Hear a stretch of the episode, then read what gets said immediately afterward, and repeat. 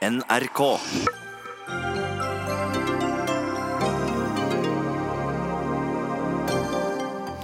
Nobels fredspris ja takk. Intervjuer med pressen nei takk. Neste uke gir fredsprisvinner Abiy Ahmed ingen intervjuer under besøket i Norge. Og det bringer skam over prisen, mener lederen av Norsk Penn. Åtte år etter den arabiske våren er det blusset opp stor sosial uro i flere land i Midtøsten, men regimene slår hardt ned på unge opprørere som ønsker seg endring. Arbeiderpartiet vil kutte drastisk i statens konsulentbruk. Ja vel, det går bare utover folk flest, det, svarer digitaliseringsministeren. Og Luftfartsutvalget er delt i synet på den omstridte flypassasjeravgiften. Det er en bortkastet avgift, mener LO, mens Venstre vil øke flyprisene av miljøhensyn.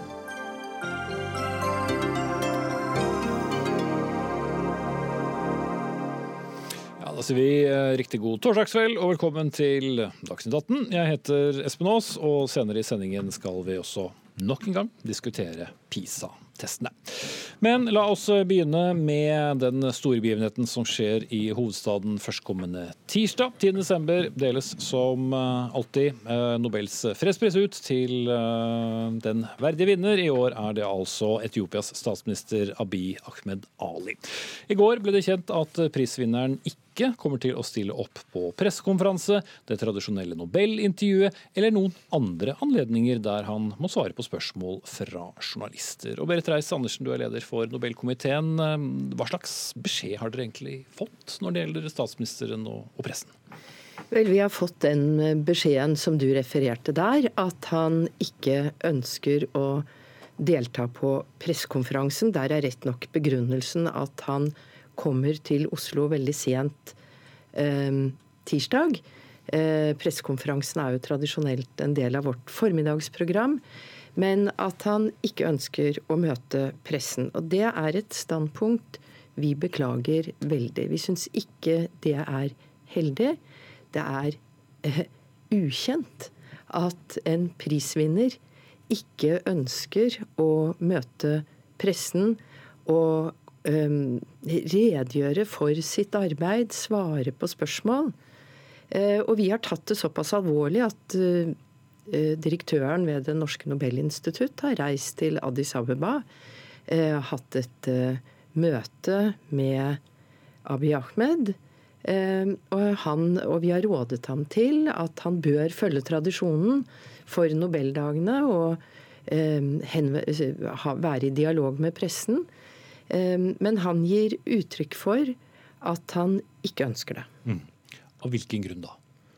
Jeg syns ikke det er riktig at vi skal redegjøre for hans begrunnelse. Okay. Men det er jo ikke nødvendigvis slik at han inntar det standpunktet fordi han er redd for å svare på spørsmål. Men jeg tror jeg nøyer meg med det. Men uh, vi har jo hatt mange uh, store navn inne som har kommet til Oslo og mottatt uh, Nobels fredspris. Hvor vanlig er det at mottaker ikke stiller til intervju? Én ting er jo pressekonferansen, samtidig er det jo gjerne hvert år også at CNN gjør et stort intervju, NRK selvsagt, og, og, flere andre gjør separatintervjuer med, med fredsprismottaker. Det er høyst uvanlig. Det har ikke forekommet. Mm. Ikke det jeg vet. Eh, nå må man være litt forsiktig med sånne historiske uttalelser. Verden så jo ganske annerledes ut før. Men i nyere tid så har jo dette eh, prisvinnerens møte med pressen vært en integrert del av programmet, ikke bare pressekonferansen. Intervjuer med internasjonale medier umiddelbart etter seremonien. Eh, og barna. Og mer, eh, barna. Og mer spontane møter med eh, pressen. Mm. Kjersti Løkken Stavrum, du er da leder i Norsk Penn og reagerer veldig på, på, dette. Men eh, hvis statsministeren sier han ikke kan prioritere det, så kan han vel ikke det? da? Altså, han, Jeg hører han eh, ikke kan prioritere det, eller ikke ønsker å prioritere det. Men vi kan jo ikke akseptere det. Og jeg er veldig glad når jeg hører Berit Reiss-Andersen også beklager det. Det skulle jo bare mangle. Det at man eh, snakker om prisen, at man snakker om hvorfor man har fått en fredspris, at man snakker om det i verdens mest pressefrie land, det mener jeg er en integrert del av, av fredsprisen. Eh, det er synd at han ikke gjør det. Det er synd for folk som ikke får svar, og som ikke blir kjent med nobelprisvinneren. Og det er synd for prisen. Så den er ikke like, får ikke samme verdi? Nei, jeg mener at det dessverre kaster Det setter prisen også i et underlig lys. Fordi man må kunne legge til grunn at fredsprosesser er en del av en dialog. Vellykkede fredsprosesser er det ikke så veldig mange av. Eh, ei heller i Afrika eh, i nyere tid. Og jeg mener at det at han da ikke ønsker å kommunisere med omverdenen om dette, det, det gir grunn til Og jeg skjønner at Nobelpriskomiteens eh, leder ikke vil spekulere i det. Men, men, vi andre kan jo spekulere litt i hvorfor han ikke ønsker å, å snakke om denne prosessen, da, som jo ikke er rett fram. Eh, og som det har vært eh, mye, mye Det har jo vært opptøyer eh, etter at tildelingen ble kjent. Så skal det også sies at bakteppet for denne prisen er jo pressereformer i Etiopia. Og det imøteser vi jo med glede. For det er jo ikke alltid land som, land som er dårlige på pressefrihet, det er ikke alltid de imponerer. Og Etiopia hoppet, har altså rett og slett høyt 40 plasser på pressefrihetsindeksen. Og det har man jo aldri sett før. Og Det er jo lett å la seg rive med i begeistringen, men da må vi også minne om at de da hoppet opp til 110.-plass. Så et stykke igjen. Eh, det er et stykke igjen, ja. Og, og, det kan jo være at man skal se det, denne holdningen til pressen også i lys av det. Mm. Men, Om jeg får ja. lov å kommentere, Det er jo ikke slik at han overhodet ikke skal eh, formidle sitt standpunkt til å ha fått prisen. Eh, han skal jo holde nobeltalen på vanlig måte og redegjøre for sitt syn. Og jeg skal jo også på vegne av Nobelkomiteen i min tale i rådhuset eh, gi en eh, mer detaljert begrunnelse for hvorfor han får prisen. Den er ganske sammensatt. Det er helt korrekt. Dette er ett element. De tiltak han iverksatte både for pressefrihet, ytringsfrihet generelt, eh, opphevelse av forhåndssensur. Eh, men alle vet at eh, slike ting er som å bygge demokratiet. Det skjer faktisk ikke over natten. Mm. Vi har uh, forsøkt så godt vi kan å komme nær uh, statsministerens uh, kontor i dag. Og vi har blitt kronet med hell, så jeg skal ta neste delen på, på engelsk. Hvis dere vil ta på dere hodetelefonene i, i studio. Because uh, Belen Siom, your press secretary for the Ethiopian Prime Minister, uh, welcome to the program. Could you please explain to us why the Prime Minister won't answer any questions from the press during his rather short visit in Norway on Tuesday? Good evening, and um, thank you for inviting me to join you. Um, before I get into that, uh, first of all, I just really want to be able to share how the, we're jubilant. There's quite a jubilant spirit um, as a nation, as well as we also want to express our pride, uh, the pride that we feel with the recognition. And um, as the Prime Minister has also noted, but also this is um, what all other Africans have noted, this is not only a celebration for Ethiopians, but for Africans as well, because Africa's sun is showing the world the possibility of peace as well. Mm, okay. Um, when it comes to your question, I think um, the framing itself is uh, inaccurate um, okay. say that he is avoiding um, everything related to the press. Um, as uh, I'm sure familiar with the Nobel tradition, but uh, for us, we understand that the celebratory Nobel program is quite expensive and elaborate, um, and we recognize that this should be so because it's celebrating peace, it's celebrating key achievements. And considering that it's an expensive program, it has been quite challenging, particularly for a sitting head of state, to dedicate that many days and many engagements, particularly um, in a, an environment where domestic issues are pressing and warrant uh, particular attention as well. Um, as you would know, and I think it's important for the rest of the world and also your listeners to know that Ethiopia is a country in a democratic transition. And uh, the Prime Minister, as well as his administration, are toiling every day to secure uh, the democratic foundation, despite all of the challenges that we're facing as well. Mm. So okay. this, um, this work that's been done is not only at home. Let me just finish the sentence for you. So this uh, challenge Okay, uh, I'm sorry to interrupt you there, uh, Belen, Belen Sayum, because the line is not of the very best. So uh, I'll just translate very uh, quickly to, to, my, uh, to my audience, and I'll uh, get back to another question for you. så pressesekretæren for statsministeren avviser at han ikke ønsker å svare på spørsmål fra journalistene, men sier at han har et, et, veldig tett program og derfor ikke kan prioritere dette. But Belen Serum, I, I, do have to ask you anyway. Uh, don't you fi find it uh, a bit odd that your prime minister will be the only one uh, during several years of the Nobel uh, Peace uh, uh, ceremony in Oslo without answering any questions from the media? I think, again, once again, for your listeners and for the benefit of everybody, it's quite erroneous to say not answering any questions. Uh, from the date that uh, the prime minister um, has been, uh, you know, uh, given the recognition and announced of that recognition, there has been media inquiries from throughout the world as well, and we acknowledge that this is partly in celebration, but also this is a great profiling for Ethiopia as well. However, I think it's also important to let you know that within the weekend, right after um, the Nobel Peace Prize uh, was awarded, public broadcasters, including from NRK themselves, from your own um, uh, television services, journalists had come and they had met the prime minister and he had given them an extensive stay and uh, welcome. So it's quite erroneous to say that he would be the first not to um, address the, the, the, media in that regard. But again, going back to what I was sharing with you, um, in discussion with the Nobel um, Institute, given that there's so many, the program is quite elaborate, and because he has a lot of things on the, the domestic front as well as the the work that he's doing on the Horn of Africa region as well, there's a lot of demands on him as well. Okay. So uh, preparation and engagement for a lot of these activities requires time, and uh, we prioritize together in discussion with the Nobel Institute, which are the key priority um, events that he needs to be able to attend um, in order to, to pay tribute to the Nobel tradition. Okay.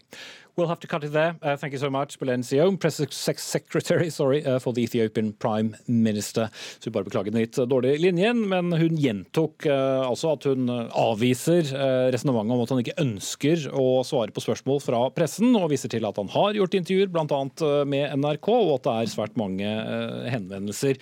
Men fortsatt eh, Kjersti Løkken Stavrum. Eh, vi har jo ikke noe, egentlig noe klokere? Nei, det gjorde vi ikke. Og, um, og er, jeg mener det er beklagelig. Det er et uheldig signal. Det vil forhåpentlig stå for ettertiden som, som noe veldig svært underlig at vi hadde en nobelprisvinner her som ikke ønsket å svare på spørsmål. Så jeg har lyst til å kontrastere det med det som skjedde i Nato-toppmøtet eh, i går. Hvor, eh, hvor, jo disse statslederne kanskje gjør narr av Trump, det vet vi ikke. Men dagen etter så står de på rad og rekke på pressekonferanser og svarer på spørsmål fra pressen om å gjøre rede for seg. Det er sånn vi er vant til. Det er det som er en dialog med publikum. Det er sånn vårt samfunn fungerer. Eh, og her tror jeg i beste fall det er en kulturkollisjon, men jeg tror også det er et uttrykk for at dette er jo Etiopia er et land med veldig svake pressetradisjoner, og de har f.eks. ikke fått lovgivningen på plass for, presse, eh, for, pressefrihet. Eh, selv om intensjonene kanskje er der, så, så varer det og rekker litt i overkant. Mm. Mm. Og litt av det ligger kanskje også i, i landets uh, historie, også som en kommunistisk kommunistisk diktatur og et keiserdømme. Vi skal komme litt tilbake til det etter hvert. Men, men Lema Desta, du er også med i studio og, og, er fra Etiopia. Du skal tale i fakkeltoget for prisvinneren eh, på tirsdag. Men ser du at eh, en del eh, reagerer på denne forklaringen, som kanskje ikke er helt en forklaring? Jeg tror, jeg for den invitasjonen og være med her.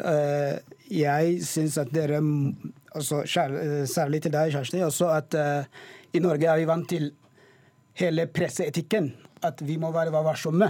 At vi må være varsomme i måten vi presenterer til dette. Og dette viser jo at eh, måten overskrittene skrev om, om uh, hva han har sagt og hva han ville, er feil. Og det er det statsministers uh, pressesekretær også bekrefter. At det har, oppstått en misforståelse. Og det er jeg glad for at nå kom dette tidlig fram. At han har ikke sagt at han vil ikke stille for intervju.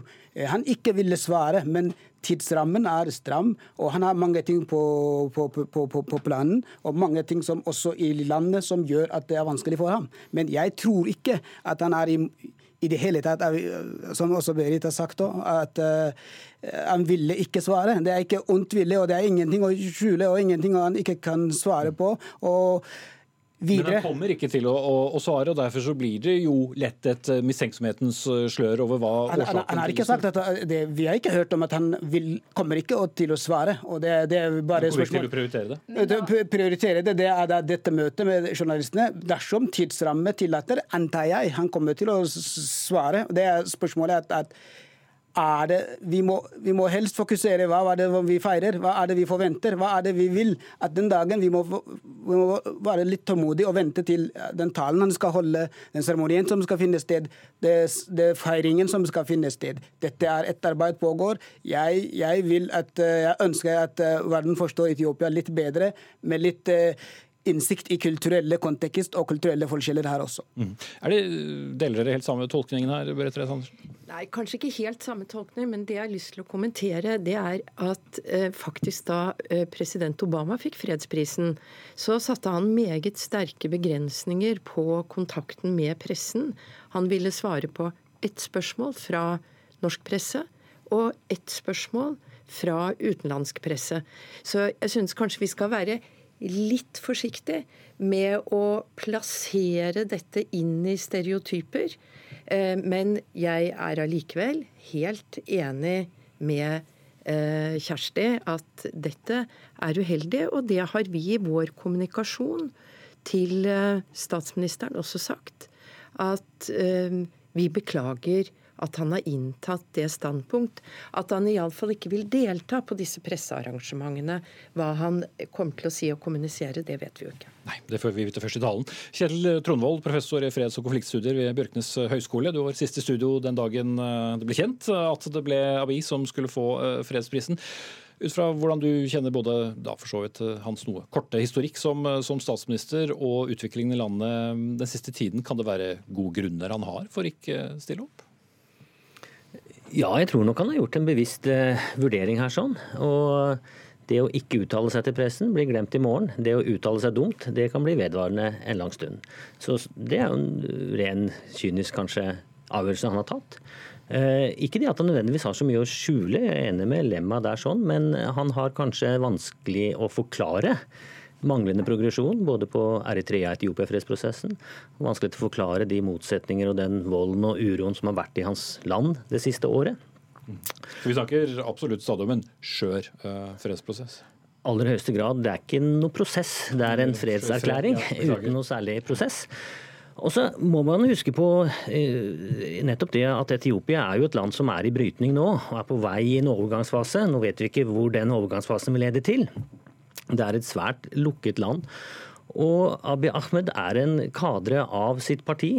Han var der som tenåring og har oppvokst i et lukket system. Han er ikke vant til å svare for seg i en åpen, pluralistisk diskusjon med et publikum. Mm. Han har ikke pressekonferanser i Etiopia heller. Han er ikke åpen i dialog med pressen i Etiopia heller. Det er veldig kontrollert kommunikasjon han har med pressen der. Sånn som her. Så Sånn sett så er det ikke noe annerledes rolle i, i den måten. Mm. Kan jeg bare korrigere litt? at uh, Vi har hatt presse, pressekonferanser med etiopiske og internasjonale medier. Og i, Men han har ikke svart på spørsmål, han har først og fremst sagt ting til dem. I, i februar har han, har han svart, har hatt et intervju med uh, Financial Times, og det er ingenting at han Jeg tror ikke at Også han har prøvd og prøver fortsatt. Skrev sine synspunkter og formidler hva han vil, og hvordan han vil lede landet fremover.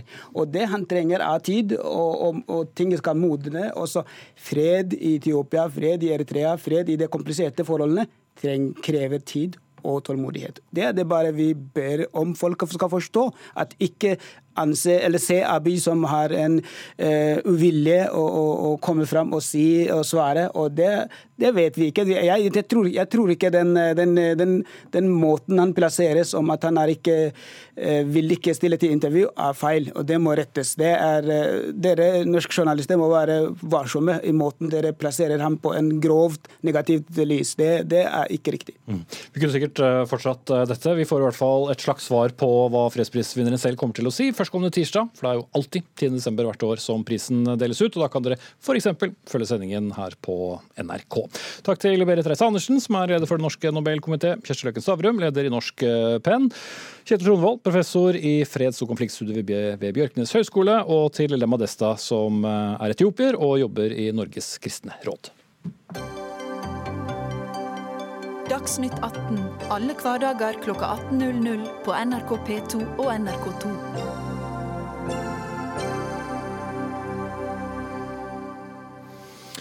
Dagsnytt 18 eh, fortsetter med internasjonale perspektiver, for eh, i USA har eh, demokratenes Nancy Pelosi, som er leder for Representantenes hus, bedt justiskomiteen i landet om å utforme en riksrettstiltale mot USAs president Donald Trump.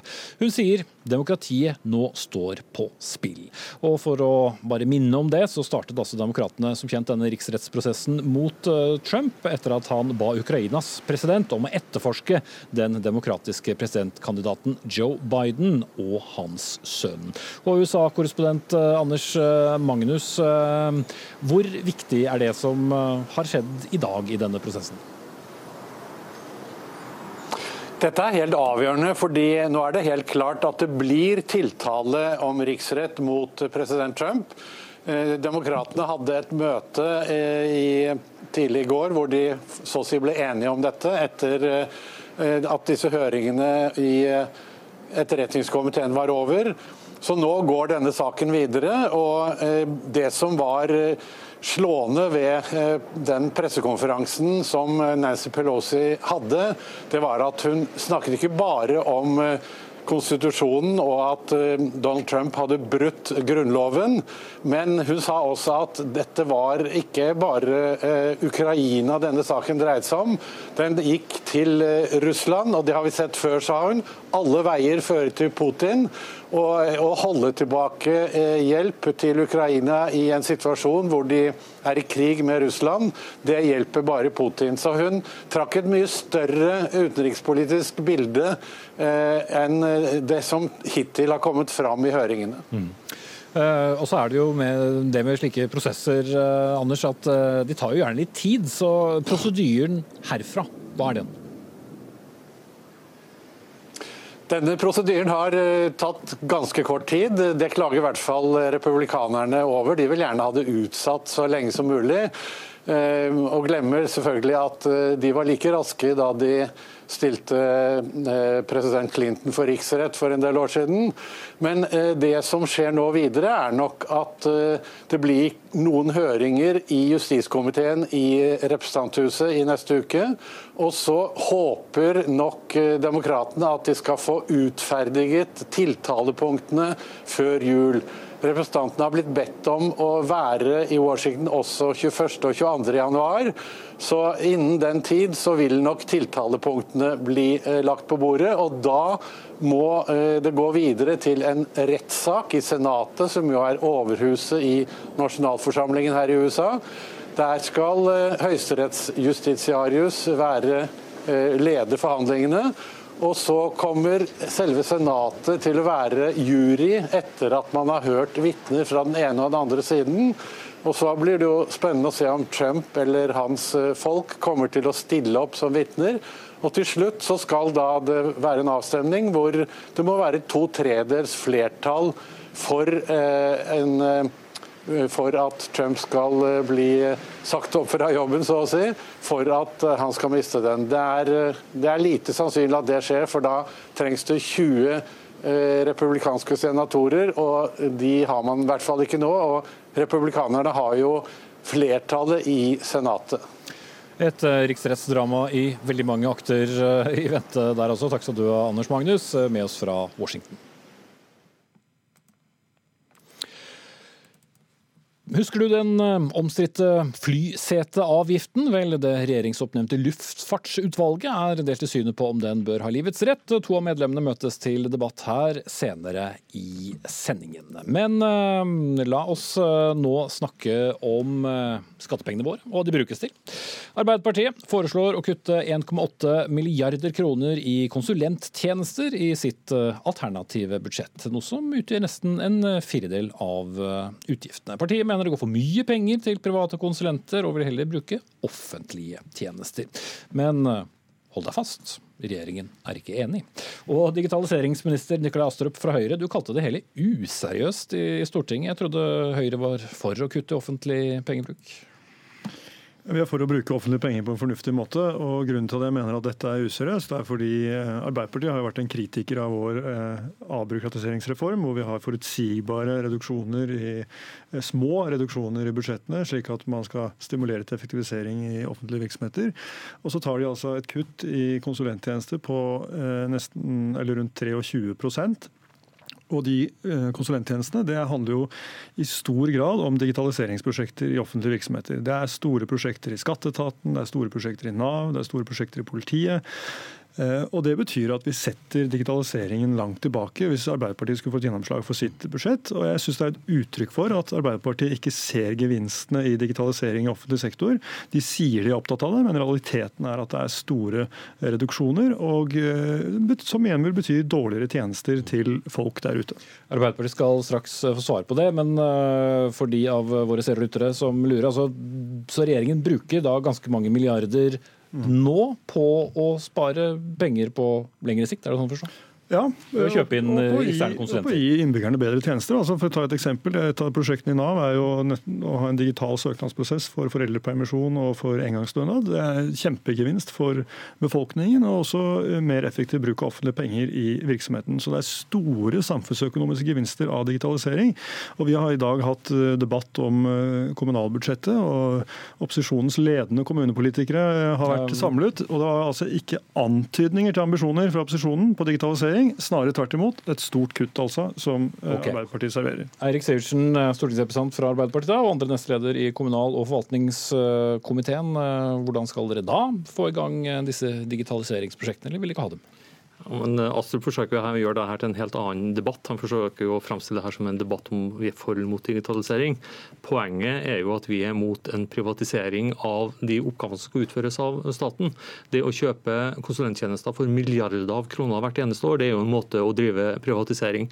Dette er jo ikke oppgaver som går over, eh, dette er oppgaver som skal gjøres over tid. Da mener vi at da er det lurt å bygge den kompetansen og gjøre den innsatsen i eh, staten. Men har staten den kompetansen? Ja, eh, hvis, det, hvis, man er ute og kjøper den, så har man jo åpenbart ikke. Men det her er en del av det som også Riksrevisjonen og Stortinget, et samla storting har slutta seg til. altså at Når staten kjøper konsulenttjenester, så er det for lite planmessig.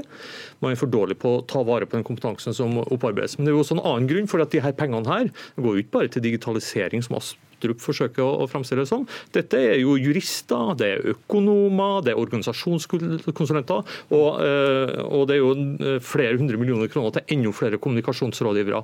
Vi mener jo at det er bedre da å ansette folk i, i staten som kan uh, sørge for at vi har den kompetansen som trengs for å drive den kontinuerlige omstillinga. Du skal bruke de samme pengene heller til å ansette noen? Ja, altså, det, Oslo kommune opplevde jo også det, eh, altså Byrådet i Oslo opplevde det samme problemet de overtok der etter mange år med borgerlig styre. ikke sant? Fant en enorm uh, bruk av konsulenter. Robert Steen, tidligere finansbyråd, sa jo at dette har jo blitt en, kjempe, ja, det har blitt en kjempe melkeku for de største konsulentselskapene. Har jo funnet ut da, For å ta et eksempel.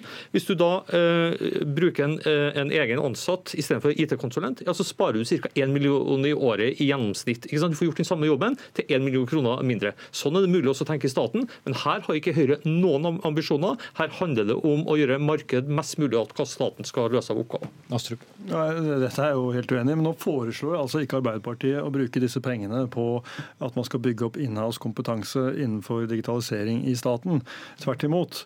Eh, så det er et reelt kutt på digitaliseringsprosjekter som dette vil medføre. Og de øvrige konsulenttjenestene vi snakker om, er i stor grad kvalitetssikring av f.eks. veiprosjekter, eh, som er et resultat av at vi har store ambisjoner for vei- og banebygging i, i dette landet. Så jeg er enig i at staten må ha eh, tilstrekkelig med kompetanse internt. og over, I mange virksomheter så har vi det. Skatteetaten har f.eks. Eh, masse kompetanse på dette. Nav har bygget opp kompetanse på dette.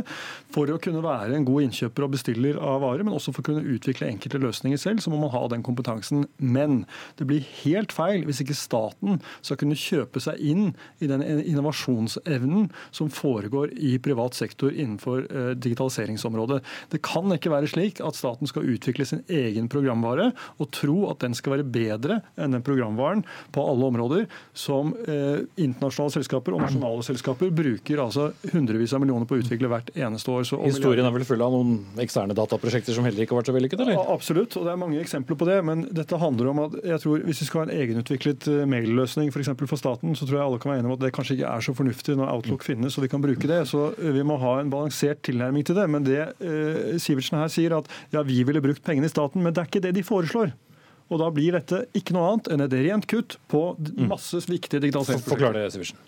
Ja, men uh, først til, det, til digitaliseringen, hvor Astrup påstår at uh, vi, ikke, uh, vi, ikke, er opptatt av det. Vel, hvis Astrup har tatt seg bryet med å lese vårt alternative budsjett, så vil han se at vi har akkurat de samme pengene til digitalisering på hans kapitler. og Det er jo fordi at vi er enig i den satsinga som, som, gjøres. Dermed legger vi også de samme pengene på bordet på de budsjettpostene. Ramma er nøyaktig lik, det kommer vi til å votere for i kveld. Vi står sammen med regjeringspartiene på det.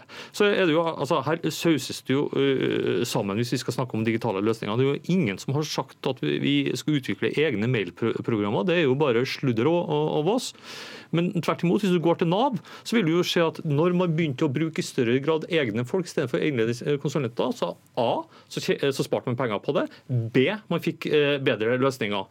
Og så er det det som eh, Astrup og høyreregjeringa ikke tar inn over seg, er jo at Riksrevisjonen har fremma tung kritikk mot måten staten kjøper konsulenttjenester på. Det er for lite planmessig, får ikke nok, nok igjen for pengene og anbefaler sterkt å redusere bruken av eh, konsulenter. Det har et enstemmig storting slutt, slutta seg til. og Når vi tar ned konsulentbruken og gir et signal om at vi skal kutte 1,8 milliarder av kjøp av fremmedtjenester på ca. 25 milliarder, så er det jo Astrup sin tolkning at det skal bare gå utover digitaliseringsprosjekter. Som jeg sier, her brukes det mye mer penger på kommunikasjonsrådgivere, jurister, økonomer og organisasjonskonsulenter enn hva totalt han bruker på konsulenter til digitalisering. For Hvis 1,8 milliarder kroner er 23% av konsulentbruken, da må det være rundt 8 milliarder. Må vi bruke så mye penger på eksterne konsulenter for å få det til?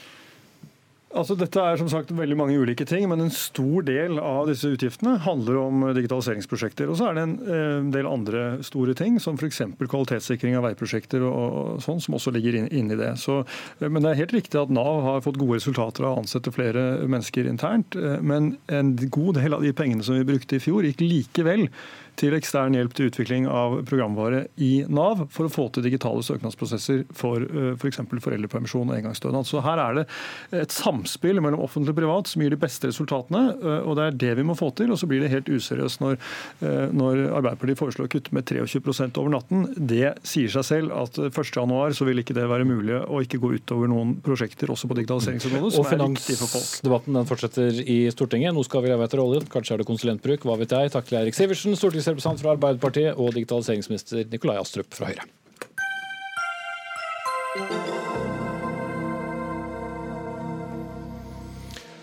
Siden ø, oktober har det vært uh, store protester og stor uro i flere land i Midtøsten. Både i Libanon og Irak har uh, store demonstrasjoner ført til at begge lands statsministre har valgt å trekke seg. Og i Iran er flere hundre mennesker drept etter konfrontasjoner med landets politistyrker. Sigurd Falkberg Mikkelsen, du er redaksjonssjef i utenriksavdelingen her i NRK, men var Midtøsten-korrespondent under den arabiske våren da i 2011. Og nå har vi da altså sett disse kanskje noe mer spredte da, eh, opprørene i flere land i, Midtøsten. Er det noe tilsvarende det du opplevde i 2011 vi ser i Emming her? Jeg tror at det er veldig mye av de samme grunnene til at folk går ut i gatene. Eh, korrupsjon, arbeidsløshet, eh, mangel på muligheter. Så ingen av problemene ble løst i 2011. Men så er det en del veldig viktige forskjeller, i hvert fall sånn som jeg leser det. Det er noen andre land som nå er, er, i, er i, hvor det er opprør. Jeg syns også å ane litt mer desperasjon enn 2011, som var, sto i mye mer i håpets tegn, i hvert fall i begynnelsen. Kanskje litt mer naive. Kanskje troen på at eh, så lenge lederen gikk, så skulle alt bli bra. Og der er vi jo ikke nå. Altså, du ser at det har forsvunnet mange ledere i Algerie, i uh, Libanon, i Irak, uten at det på en måte er endepunktet i seg selv. Og Det tror jeg var lærdommen mange hadde igjen fra 2011. er At det holder ikke om statslederen går, og så skal liksom alt bli bra. Altså Den troen der er borte. Og Så ser vi også en mye verre voldsbruk, eller særlig Irak og Iran. Mye mye røffere behandling av demonstrantene. Mm, blir slått uh, hardt ned på, Mens det ser ut til å gå noe roligere for seg i, da, i Libanon. Ja, Det er jo et helt annet type land også. Uh, annen kultur, uh, annen statsforfatning. sånn at, sånn at det, det, det, gjøres på en helt annen måte. Men også der ser man at spenningene etter hvert begynner liksom å dra seg litt til. og at man ser at de konfliktlinjene som lå der under borgerkrigen, sekteriske og politiske, de, de, på en måte begynner å dukke litt opp igjen. Og det tror jeg også er noe av grunnen til at det er litt rolig roligere der nå. fordi at eh, folk er redde for hva det vil si om de pusher det enda lenger nå. Mm. Marte Heian Engdahl, seniorrådgiver i Noref, Senter for internasjonal konfliktløsning. Hvis vi ser tilbake da på, på, på 2011, som, som Falkman Mikkelsen antydet her, så var det jo ikke en, en lang liste med, med suksesser. Eh, det var ikke mange land det ble noen endring i. Nei, og som eh, Sigurd sier, ikke bare har man lært at det å fjerne den personen eller regimet på toppen ikke nødvendigvis eh, blir bedre, eller det er ikke løsningen, men det kan også bli veldig mye verre. Som f.eks. i Egypt og i, i Libya, og i, der man har eh, en, enorme konsekvenser da, av det opprøret. Og noe av det handler jo igjen om de grunnproblemene som, som Sigurd var inne på, at, at det her er vanvittig vanvittige vannstyret, både politisk og økonomisk, og en enorm eh, si, Det er kanskje en stor vesentlig forskjell eh, fra 2011 til nå. at, det, Myndighetsapparatene i de ulike statene har også eh, på en måte tar enorme sikkerhetsmessige grep på, på statene sine og slår brutalt ned ikke bare i de opprørsperiodene og de bølgene med opprør, men også i liksom rolige perioder så ser vi jo at det går hardt utover sivilsamfunn og politisk opposisjon osv. Jeg tror Det er en region som er bevæpna til tennene. Så eh, selv om ikke Nå er det jo en veldig asymmetri i måten demonstrasjonene blir møtt på. Myndighetene slår veldig hardt tilbake. Så er det, det, er, en, det er en ordentlig urovekkende utvikling generelt sett, det. da. Mm. Men altså det vi ser i Iran i 40 år med det styret som har vært der, og likevel så ser vi da i hvert fall de videoene som, som blir spredt. Kvinner som tar av seg slør, ungdommer eh, som er ute som, som protesterer, protesterer, Er det signifikant at det skjer nettopp i Iran, som jo er en så mektig spiller i, i Midtøsten? Ja, det, det syns jeg det, det, er, det, er, litt spesielt. Eh, fordi Iran skiller seg fra, fra de andre de arabiske nabolandene eh, på en del punkt. Eh, men så ser vi også der at det fins, selv om de har en, noe som minner om et uh, demokrati, i hvert fall er det mulighet for å stemme inn sine kandidater, uh, så ser vi også der at der klarer ikke systemet å levere lenger. Og jeg tror det, Men det er en ordentlig stat der. Eh, problemet i de aller fleste andre arabiske land er at staten ikke fins på noen ordentlig måte, eller bare for de aller aller færreste. Iran har tross alt en form for statsforfatning, selv om der også ser man mye eh, korrupsjon eh, og nepotisme og alle disse problemene som herjer de andre statene. Eh, men det er også et mye sterkere sikkerhetsapparat. Så det at folk går til de skrittene der, syns jeg også er interessant. Så må man altså si at vi vet veldig lite om hva som foregår, fordi myndighetene også i og med at de har såpass mye kontroll, har stengt av internett. Vi, har, vi er egentlig ganske blinde for det som foregår inne, inne, i Iran. Og de som går ut i gaten der, tar en veldig stor risiko. Eh, så de må i utgangspunktet være ganske desperate, tenker jeg da. Mm. Men er det stor frykt da, eh, i mange av de eh, landene, både arabiske land og, Iran og andre, for å få en ny bølge som den arabiske våren i hvert fall begynte som, selv om den ikke kom så mye ut av den? Jeg tror vi må kunne si at den måten myndighetene slår tilbake på, eller slår ned på demonstrasjoner nå, eh, må ha noe å gjøre med frykt for at det her eh, kan at det rokker i selve grunnvollene i systemet. Det, det tror jeg. Og, eh, likevel så er det i Midtøsten, eh, ikke bare den arabiske verden, men hele regionen, det er en veldig eh, tro på at det også er Man ser fremmede makter i veldig mye av det her. Og det er ikke tvil om at, at uh, den situasjonen som har vært etter 2000, fra 2011 og utover, også har gjort regionen og alle dens enkeltstater veldig uh, lette bytter for uh, andre, for uten stater som går inn og manipulerer og ødelegger og prøver å stikke kjepper i hjulene for sine motstandere. Det er jo et ganske intenst regionalt storpolitisk Hva slags stater snakker du om det? Nei, det er jo åpenbart at du har noen skillelinjer her som er som Iran, Saudi-Arabia, er den store eh, regionale maktkampen, og så fordeler folk seg mm. eh, mm. Amerikansk støtte til Saudi-Arabia, da Iran som en eh, sterk militærmakt? Ja, og det, det, det, har sekteriske undertoner, men det er i bunn og grunn en regional eh, maktkamp som eh, får da spille seg ut på ulike arenaer.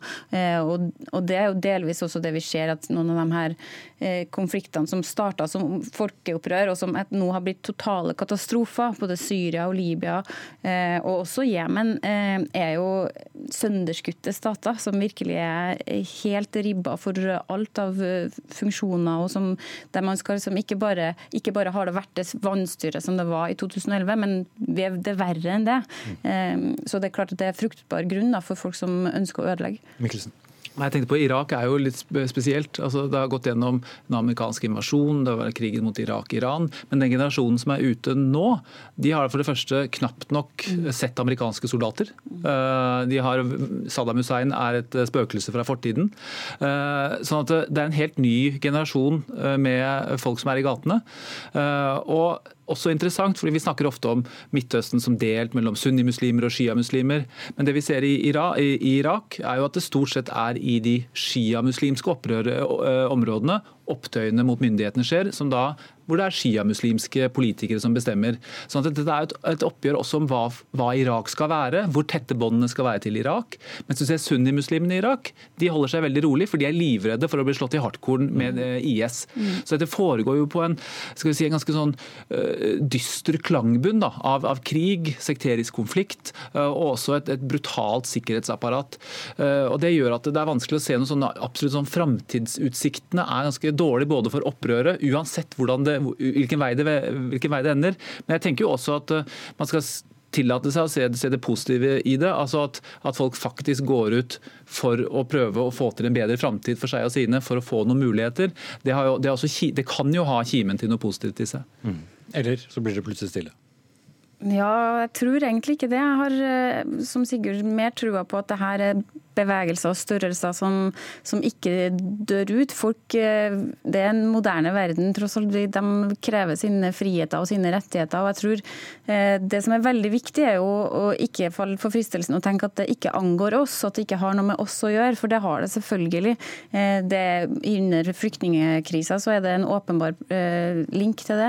Men også med Tyrkias innmarsj nå i Syria, og som er vår Nato-allierte. Der igjen er det. Så det er ekstremt ekstremt viktig at man byg, ikke bygger ned diplomatiet og, eller journalismen. og Folk har satser på at eh, det er veldig viktig å ha åpne kanaler og ha muligheter til å forstå det som beveger seg og rører seg der. Hvis Vi skal ha, vi har ikke valg, vi kommer til å forholde oss til det. og Da er det mer spørsmålet hvordan forholder vi oss til det. Mm.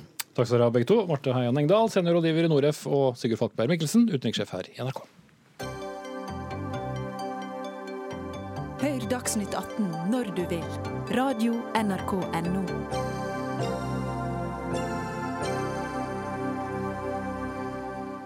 Vi skal hjem igjen, som vi pleier å si når vi har vært utenriks.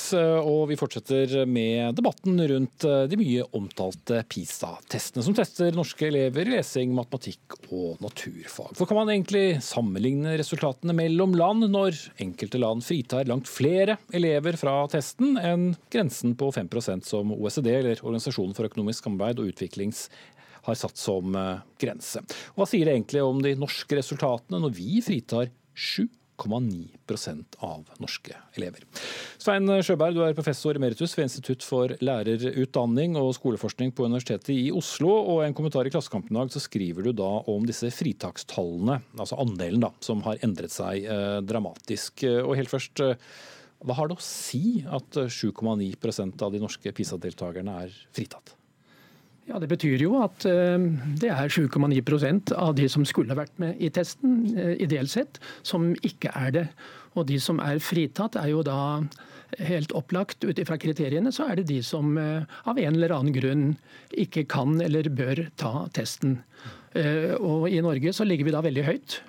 På den fritaksprosenten. Det er, det er, bare Sverige og Israel som liksom ligger klart foran.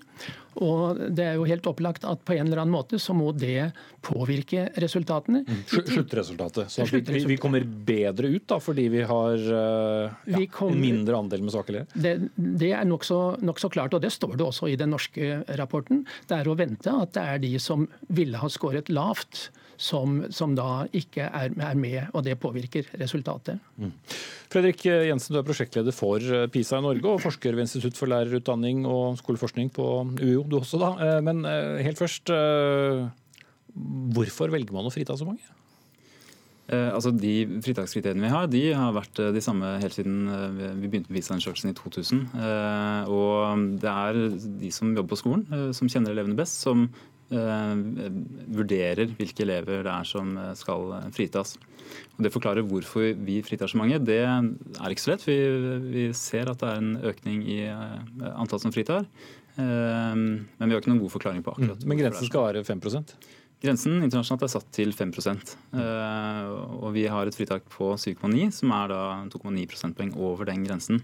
Men Er du enig med Sjøberg i at det da vil ha en klar innvirkning på, på sluttresultatet? Altså, det er eh, noe som eh, er et forbehold, men det er ikke et veldig stort forbehold. Eh, og det er ikke noe som endrer på hovedresultatene, eller hvordan vi tolker dem. Sånn at Norske elever har hatt en tilbakegang i lesing og naturfag fra 2015 til 2018. Mm. Men Ville da den tilbakegangen vært større hvis vi hadde holdt oss til 5% hvis det hadde vært med ja, flere svake elever, om du vil? Altså, som sagt, Det har noe betydning, men det er så lite at det vil ikke endret eh, hvordan vi tolker endringen i resultatet. Verken fra 15 til 18, eller også da over tid. Så som sagt, Det er et forbehold, men det, er, eh, det betyr ikke så mye. Mm. Enig i det, Sjøberg? Ja, nei, men Det er på en måte flere ting med dette. her. Eh, det, det ene er at det påvirker akkurat disse PISA-resultatene. Um, men vi ser den samme tendensen i nasjonale prøver, at andelen som blir fritatt, øker. Så det må være noe med Det startet på 2,7% eller noe sånt for 2000, i år 2000, da vi hadde vår første PISA. Og nå er den altså 7,9. Det er nesten tredobling. Og det sier jo i alle fall noe om skolesystemet vårt. At det er fler som nesten i utgangspunktet faller utenfor. Og det, det er et problem med seg selv, i tillegg til at det da på en måte påvirker de gjennomsnittstallene man regner ut på eksamener og, og på tester som PISA. Det tror jeg vel kanskje vi er mm. enige om. Ja, så, så bekymringen er egentlig større for at det er så mange som ikke når opp til de kriteriene, at de bør ta en, en PISA-test. At utenforskapet, hvis jeg kan bruke det ordet, i, i, norsk skole blir større. Det vil jeg tro. Eh, og det er jo også noen spørsmål som dreier seg om utenforskap eh, i, i PISA. Og eh, de har øket dramatisk fra år 2000 fram til i dag. Og jeg vil tro at, og det er jo de som har svart, jeg vil tro at hvis vi tok med de som da ikke er med i testen, så ville de prosentene vært sett enda mørkere ut. Altså som opplever stress og utenforskap, utenforskap og osv. Slik at eh, på den måten så kan man si at det kanskje er en viss skjønnmaling. Eh, at man ikke fanger opp disse negative tendensene som, som er i det norske skolesamfunnet. Kommentar til det, Jensen? Nei, altså jeg tenker hvis, uh, altså Betydningen av fritak, der er det flere faktorer som uh, spiller inn. og uh, altså Det er ikke bare fritak som sier noe om kvaliteten på datasettene. Vi har f.eks. en annen indikator som sier noe om hvor stor andel av de norske 15-åringene som dataene er representative for. Den, den, andelen er på 91% for de norske elevene, og den er på 88% for OECD-gjennomsnittet. Den andelen er også sammenlignbar med de andre nordiske landene. Eh, sånn at Det er på en måte ikke bare fritak som er det eh, ene målet som sier noe om kvaliteten på dataene. Mm. Og Det er også en grunn til at vi tror på de resultatene vi har. Mm. Men samtidig altså en, en, større andel av et slags utenforskap, som Sjøberg kaller det? Det er interessant at det er en økning i fritaket. og ja, Mm. Men hvis vi, altså dette er, mm, som vi har vært inne på, er jo ikke noe bare vi gjør i Norge, det gjøres jo i mange land. Men hvor god blir da sammenligningsgrunnlaget mellom landene når vi er, har da noen land, som Norge, Sverige og, og Israel, som uh, fritar flere enn de andre landene vi sammenligner oss med? Her må man jo se på uh, statistikken til hvert enkelt land. Altså I kortrapporten som vi uh, nå nettopp har lansert, så har vi oppgitt uh, andeler, altså det som vi kaller dekningsgrad, som sier noe om hvor stor andel dataene er representative for for hvert eneste land. Og Da kommer det litt an på hvilket land du ser på. Noen har lavere dekningsgrad, Men Norge ligger bra an på den statistikken i forhold til det internasjonale gjennomsnittet, og også i forhold til andre nordiske land, og de vi ofte sammenligner oss med. Da. Ja, men Spørsmålet er snarere er det gode, nok altså kan, kan, vi sammenligne landene når vi har den forskjellige dekningsgraden? Blir det riktig å sammenligne land? Altså, det, hvis det er stor forskjell, så må man selvfølgelig ta et forbehold om det. Eh, men hvis det er små forskjeller og variasjoner, så, så er det greit å sammenligne. Men, men, det som kjennetegner eh, eller altså positivt, det som kjennetegner de norske resultatene, som det også står veldig fint i rapporten, er at de har vært ufattelig stabile over tid sammenlignet med en hel del andre land. Og vi har på en måte klatret på rangeringene, og det er ikke pga. at vi har skåret dårligere, men det er pga. at de andre OECD-landene skårer lavere. Og PISA er Likevel så ble det altså, selv om vi har samme resultater nå som vi hadde for 18 år siden, eh, så ble det for tre år siden jublet over at nå var det så bra i, de norske resultatene. Eh, og Erna Solberg sa det til og med i talen til det norske folk, nyttårstalen, at nå går det så bra. Og det er gjentatt flere ganger. Men vi lå på det samme resultatet, og nå ligger vi altså litt lavere enn det. Så det å juble og ta det til innkassering for en seier for den nye altså Kunnskapsløftet og tiårig eh, skolegang. De første PISA-elevene de hadde bare gått ni, nå går de ti, og de skårer lavere på denne testen enn de gjorde for 18 år siden skal vi kalle det den skjeve lesingen av eh, PISA. Eh, takk skal dere ha. Eh, Fredrik Jensen, prosjektleder for PISA i Norge, og Svein Sjøberg, professor emeritus ved Institutt for lærerutdanning og skoleforskning på UiO. Og bare for å ha sagt det, så inviterte vi også Kunnskapsdepartementet til å komme i studio i dag, men som ikke hadde anledning til å stille.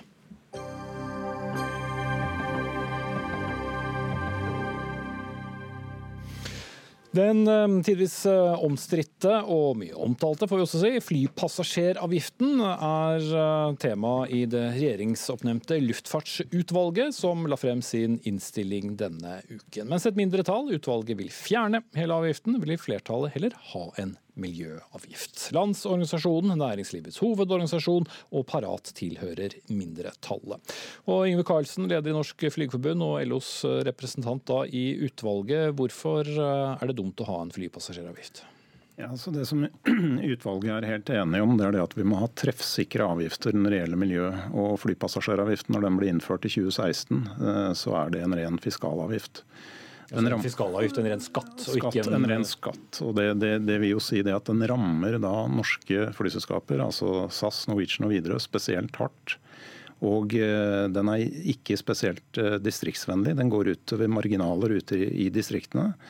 Og eh, totalt sett både flypassasjeravgift, altså ca. 1,9 milliarder i proveny årlig, og sammen med CO2-avgiften, som også er særnorsk, så blir det en betydelig konkurranseulempe for flyselskapene. Og når den da ikke treffer så, så, mener vi da at da må den uh, legges inn i noe som treffes, eller fjernes. Mm.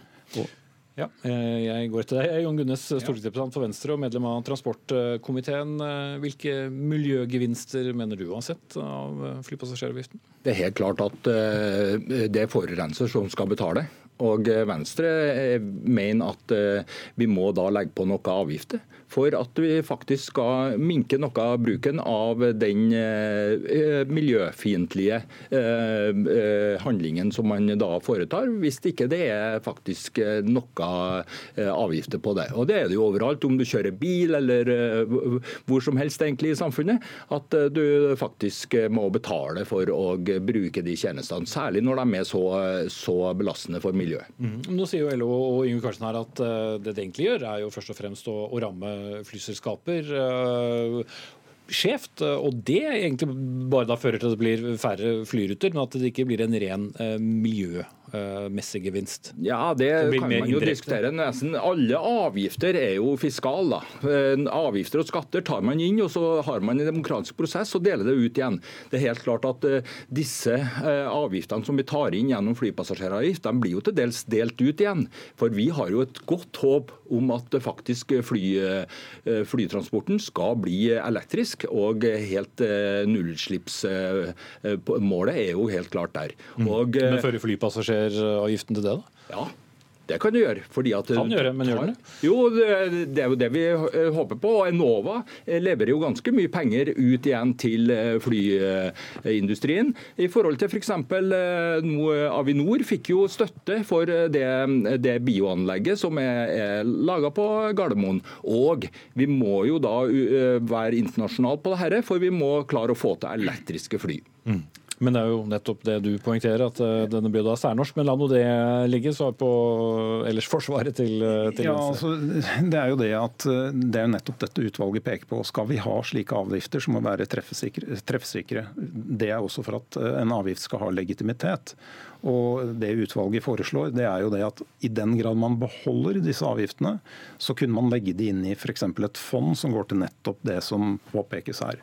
Men det som er viktig å påpeke når det gjelder denne avgiften, det er det at eh, luftfart som eneste transportmiddel er jo i Europa en del av det europeiske utslipps- og kvoteregimet, som gjør det at vi vil nå målene om eh, den reduksjonen fram til 2030 på 43 så kan du jo si at Skal du ha avgifter på toppen av dette, så har jo også Grønn skattekommisjon påpekt at dobbel og trippel virkemiddelbruk kan virke mot sin hensikt. Og Når konsekvensene av den avgiften er på den måten, så må man faktisk vurdere å ha en avgift som treffer langt bedre. Mm, Det hvordan... sier også Grønn skattekommisjon. Ok, Men hvordan skal en avgift da treffe bedre? En avgift er vel en avgift? Ja, altså Det vi har sagt i utvalget, det er jo det at i den grad man skal beholde disse avgiftene, så, kunne, så anbefaler vi å, å, opprette et fond à la NOx-fondet som kunne gå til å subsidiere og ta fram teknologier som elektrisk eh, eh, flydrift, eh, og også da bærekraftig, avansert jetfuel. Mm. Så, så dere er enige om målet, men du mener virkemidlet som vi har nå ikke er riktig? Virkemidlet er ikke riktig, og det peker jo også Grønn skattekommisjon på. Mm. Ja, altså, vi tror at eh, det her kan være én måte å nå fram til målet. Det er helt sikkert andre måter òg, men eh, det er jo flere land. Sverige har jo akkurat samme systemet som eh, vi har, og det er flere land som, som innfører det her nå. og Norge syns jeg går foran. og Jeg tror jo det er håp om at du faktisk skal få en internasjonal flypassasjeravgift, slik at man faktisk jobber for å få penger til å utvikle da miljøvennlige fly. Og Det trengs nok ganske store midler i, i, forhold til det. og Da tror jeg det må eh, innkreves gjennom den norske stat og fordeles. For det her er ikke bare i Norge det skal brukes, det må også kunne brukes internasjonalt. Men eh, så er det slik altså, flyselskapene litt begeistret. En del flypassasjerer er vel også ikke så, så begeistret. Og innad i, i, regjeringen, som ditt parti er en del av, så er det heller ingen begeistring. Fremskrittspartiet, samferdselsministeren, vil heller ikke ha avgiften. Så hvor helhjertet blir da dette tiltaket? Ja, men Venstre vil gjerne ha den. Og fordi at Vi tror den treffer godt i forhold til at det er faktisk sånn at forurenser skal betale. og Det er et prinsipp som vi, vi legger til grunn for når vi skal innføre slike avgifter, og få, få faktisk folk til å bruke miljøvennlige alternativ. Mm. Men hvis den ikke treffer helt? Jo, men eh, jeg er ikke så sikker på om den ikke treffer. Vi har jo ikke hatt den noe lenge, det her. Og eh, når vi ser at den faktisk eh, vi får penger til å satse og elektriske fly Jeg har jo til og med sittet i et elektrisk fly, og det, det, det, var jo veldig fint, det. Det er allerede kommet i gang, det her. Og, men langt frem, da? Jo, det er det.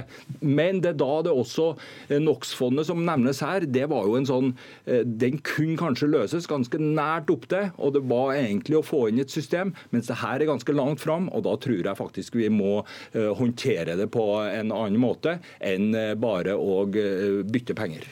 Ja, Mingve Karlsen.